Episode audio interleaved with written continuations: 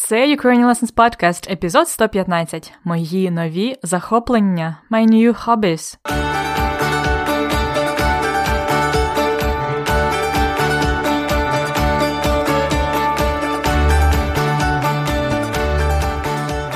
Привіт-привіт! Це Анна, ваша вчителька української, і ви слухаєте подкаст Уроки української. Це епізод 115. А отже, сьогодні ви будете слухати традиційне голосове повідомлення Христини мамі в Америку. Христина це американка, яка живе в Києві і чудово розмовляє українською.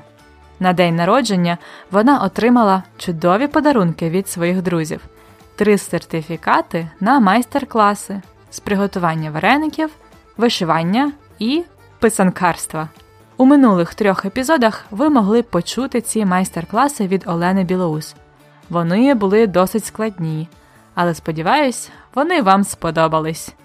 Можливо, ви вирішили теж почати вишивати чи малювати писанки. Напишіть мені, якщо це так. Обіцяю, сьогоднішній урок буде простіший за попередні. Ви послухаєте голосове повідомлення Христини а її мова набагато простіша. Тож розпочнімо. So today you will be listening to the voice message from Christina to her mom in the USA. Christina is an American girl who lives in Kyiv and speaks Ukrainian very well. For her birthday, she received some great podarunki, presents, three certificates for master classes. In the last three episodes, you listened to those workshops from Olena Bilous. They were quite challenging, but I hope you like them. Maybe you have also decided to start embroidering or painting pisanki. If so, let me know. Send me some pictures. My email is anna at ukrainianlessons.com. Today's lesson should be much easier than the previous ones. So let's start. Розпочнімо. Якщо порівнювати з попередніми трьома уроками, то сьогоднішній текст буде набагато простіший. Там буде мало нових слів, тому розслабтеся і влаштуйтеся зручно. Relax and get comfortable. Розслабтеся і влаштуйтеся зручно. Але спочатку ось 10 запитань, на які ви можете шукати відповіді в голосовому повідомленні. Запитання 1. Чим займається Христина сьогодні? Literally, with what is she occupied today? Чим займається Христина сьогодні? Запитання 2. Чим Христина хоче поділитися з мамою? What does she want to share with her mom? Поділитися. Запитання 3. Яку начинку для вареників порадила Христині Леся. Which feeling for вареники did Леся recommend to Христина? Яку начинку для вареників порадила Христині Леся? 4. Який секрет гарної роботи для вишивання? What's the secret for good embroidery work? 5. Що Христині здавалося раніше монотонним і нудним? What seemed uh, monotonous and boring for Христина before? 6. Чого Христина хоче навчити свою маму? What does Христина want to teach to her mom? 7. Що для Христини це найкращий подарунок? What is the best present for Христина? 8. Що Христині треба купити в магазині біля дому? What does she need to buy in the shop near the building? 9. Христина каже мамі: хм, сьогодні ввечері. You will have to fill in the blank. Мгм. Сьогодні ввечері. Це в кінці. І запитання 10. Що Христина просить передати? What does Христина ask to pass, to transfer? Передати. Що Христина просить передати? Якщо у вас є конспект уроку, відкрийте його, будь ласка.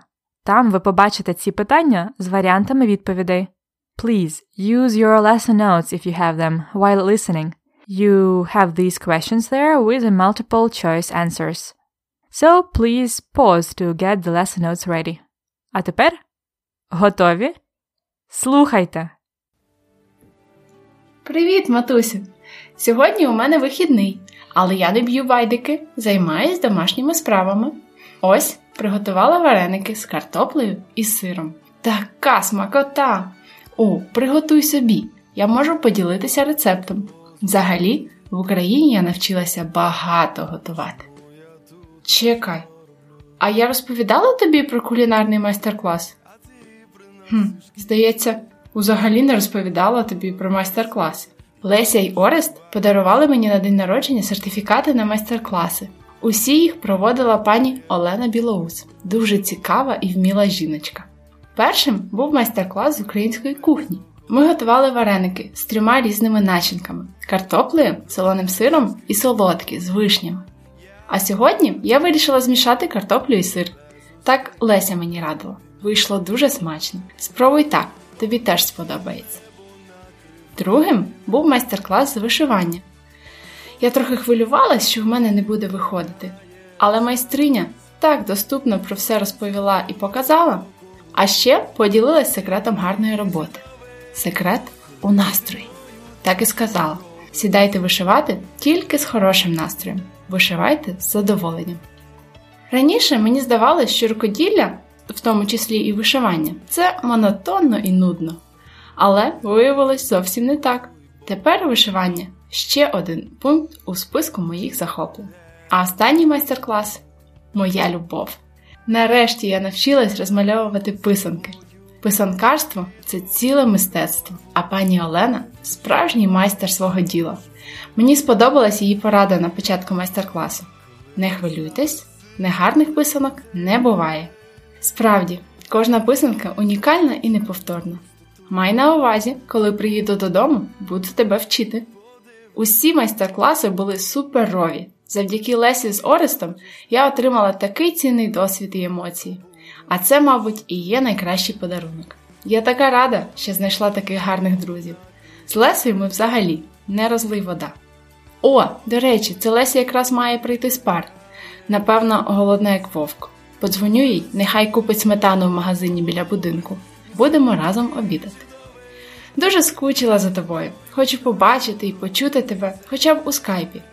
Поговоримо сьогодні ввечері. Дай знати, о котрій ти зможеш вийти на зв'язок. Цілуй і передавай всім вітання від мене. Па-па!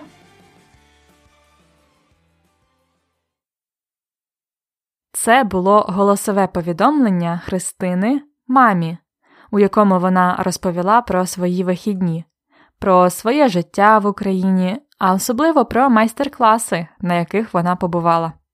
Перед тим як слухати, я поставила вам кілька запитань. Чи змогли ви знайти на них відповіді? Зараз перевіримо. Запитання 1.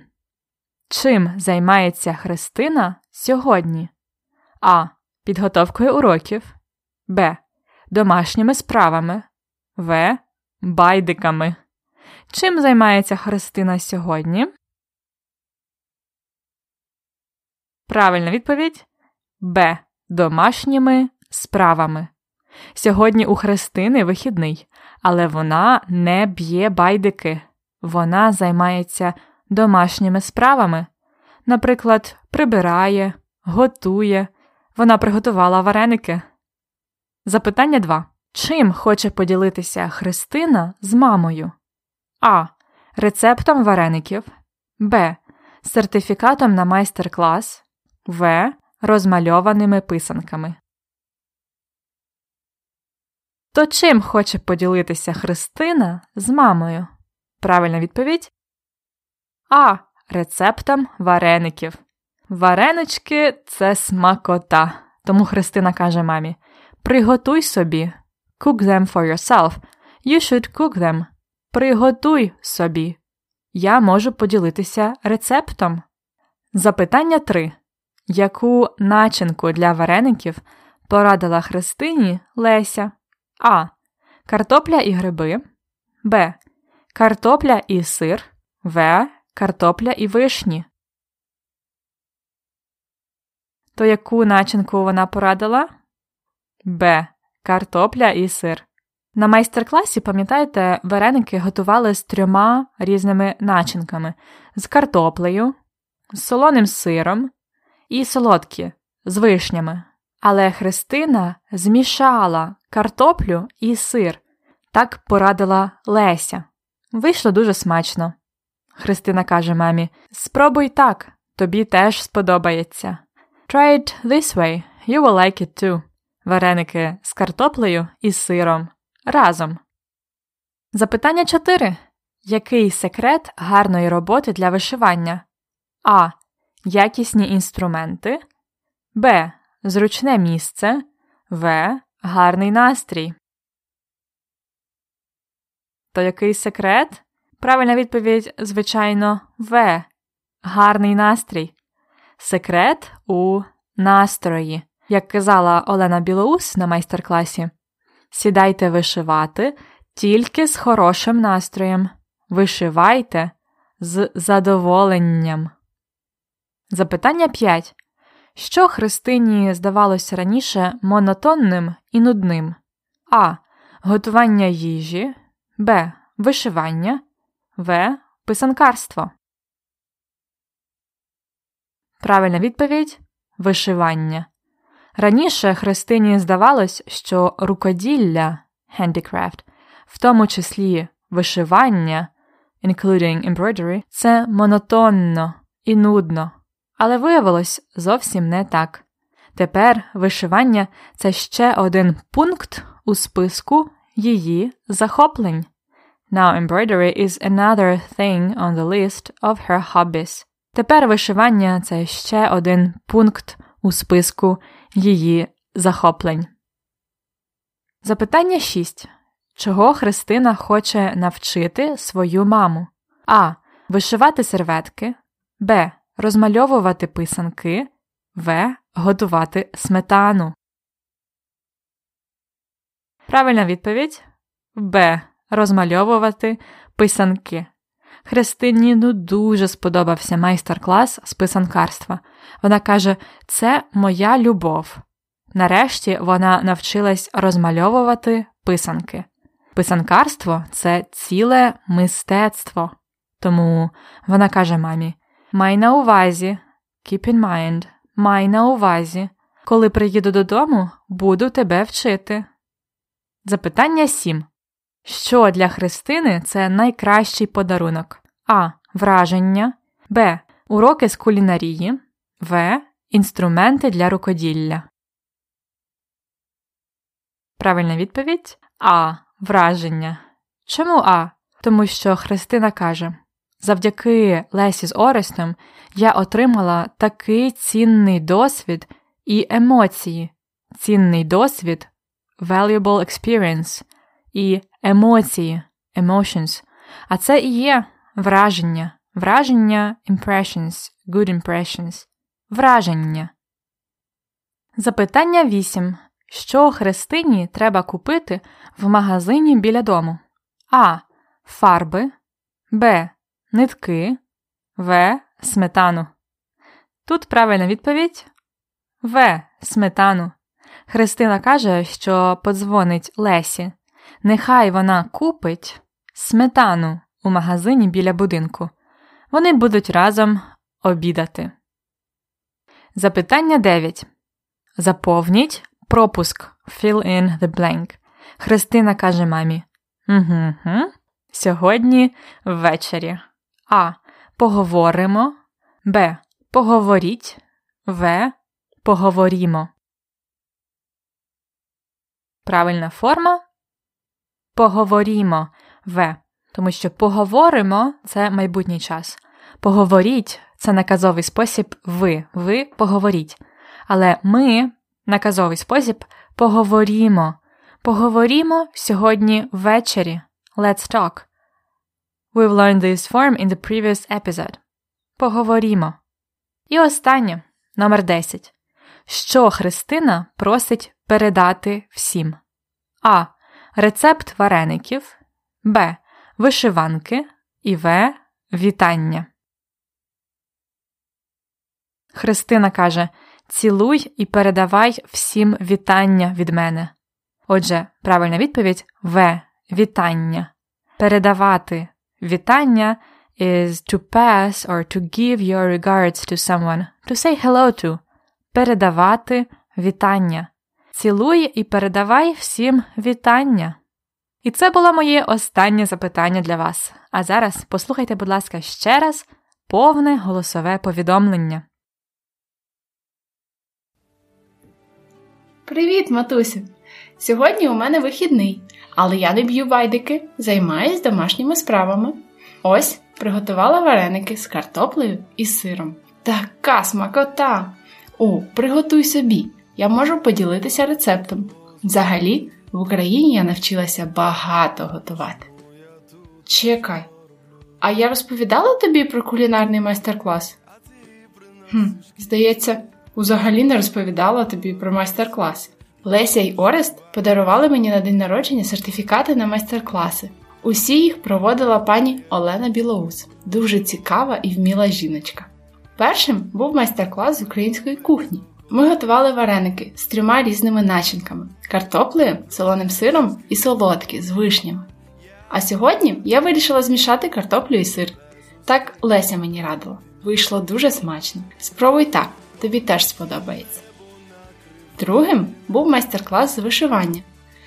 Я трохи хвилювалась, що в мене не буде виходити, але майстриня так доступно про все розповіла і показала, а ще поділилась секретом гарної роботи. Секрет у настрої. Так і сказала: сідайте вишивати тільки з хорошим настроєм, вишивайте з задоволенням. Раніше мені здавалось, що рукоділля, в тому числі і вишивання, це монотонно і нудно. Але виявилось зовсім не так. Тепер вишивання ще один пункт у списку моїх захоплень. А останній майстер-клас моя любов. Нарешті я навчилась розмальовувати писанки. Писанкарство це ціле мистецтво, а пані Олена справжній майстер свого діла. Мені сподобалась її порада на початку майстер-класу. Не хвилюйтесь, негарних писанок не буває. Справді, кожна писанка унікальна і неповторна. Май на увазі, коли приїду додому, буду тебе вчити. Усі майстер-класи були суперові. Завдяки Лесі з Орестом я отримала такий цінний досвід і емоції. А це, мабуть, і є найкращий подарунок. Я така рада, що знайшла таких гарних друзів. З Лесею ми взагалі не розлий вода. О, до речі, це Леся якраз має прийти з пар. Напевно, голодна, як вовк. Подзвоню їй, нехай купить сметану в магазині біля будинку. Будемо разом обідати. Дуже скучила за тобою. Хочу побачити і почути тебе хоча б у скайпі. Поговоримо сьогодні ввечері. Дай знати, о котрій ти зможеш вийти на зв'язок. Цілуй і передавай всім вітання від мене. Па-па!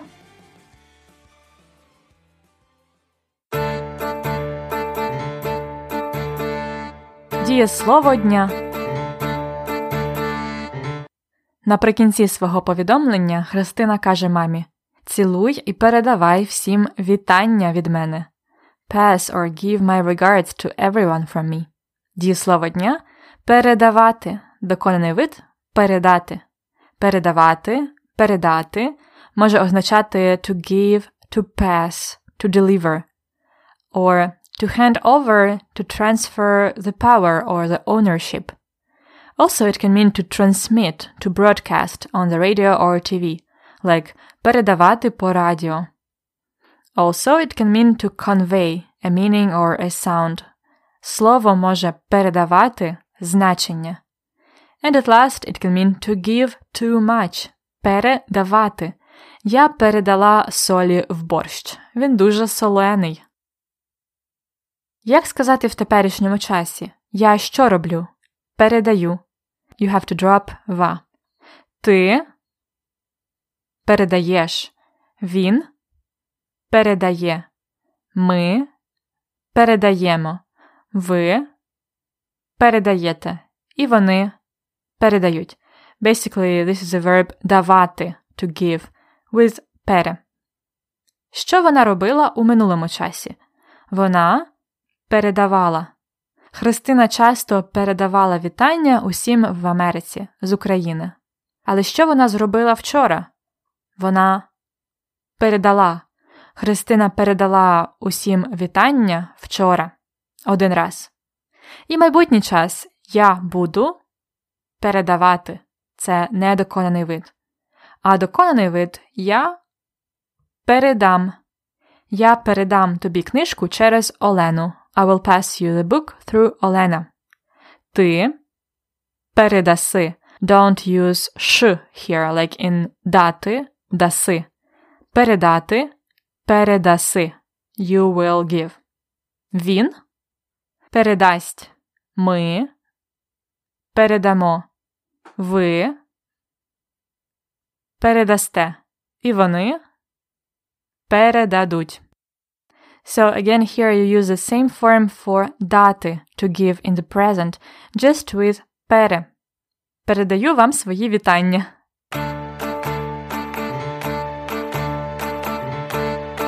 Фразеологізм дня. Послухайте, будь ласка, уривок повідомлення з фразеологізмом дня. Поговоримо сьогодні ввечері. Дай знати, о котрій ти зможеш вийти на зв'язок.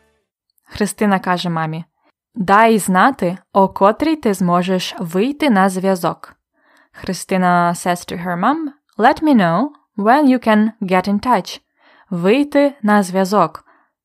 Недоконаний вид виходити на зв'язок це фразологізм дня. Literally, виходити на зв'язок means to go out, виходити, to the connection, на зв'язок. To get in touch, to contact, to connect with, to establish communication. Ще один приклад я знайшла для вас у новинах у Гуглі. Марсохід НАСА перестав виходити на зв'язок. The NASA Mars Rover марсохід stopped communicating перестав виходити на зв'язок. Марсохід НАСА перестав виходити на зв'язок.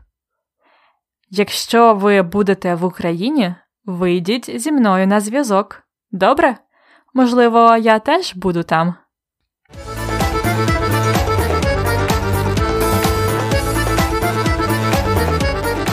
Культурний факт на подкасті. Вишивання і писанкарство These are two Ukrainian hobbies that are quite unique and deeply rooted in our history. What are some other common Ukrainian hobbies? I found some interesting statistics for you.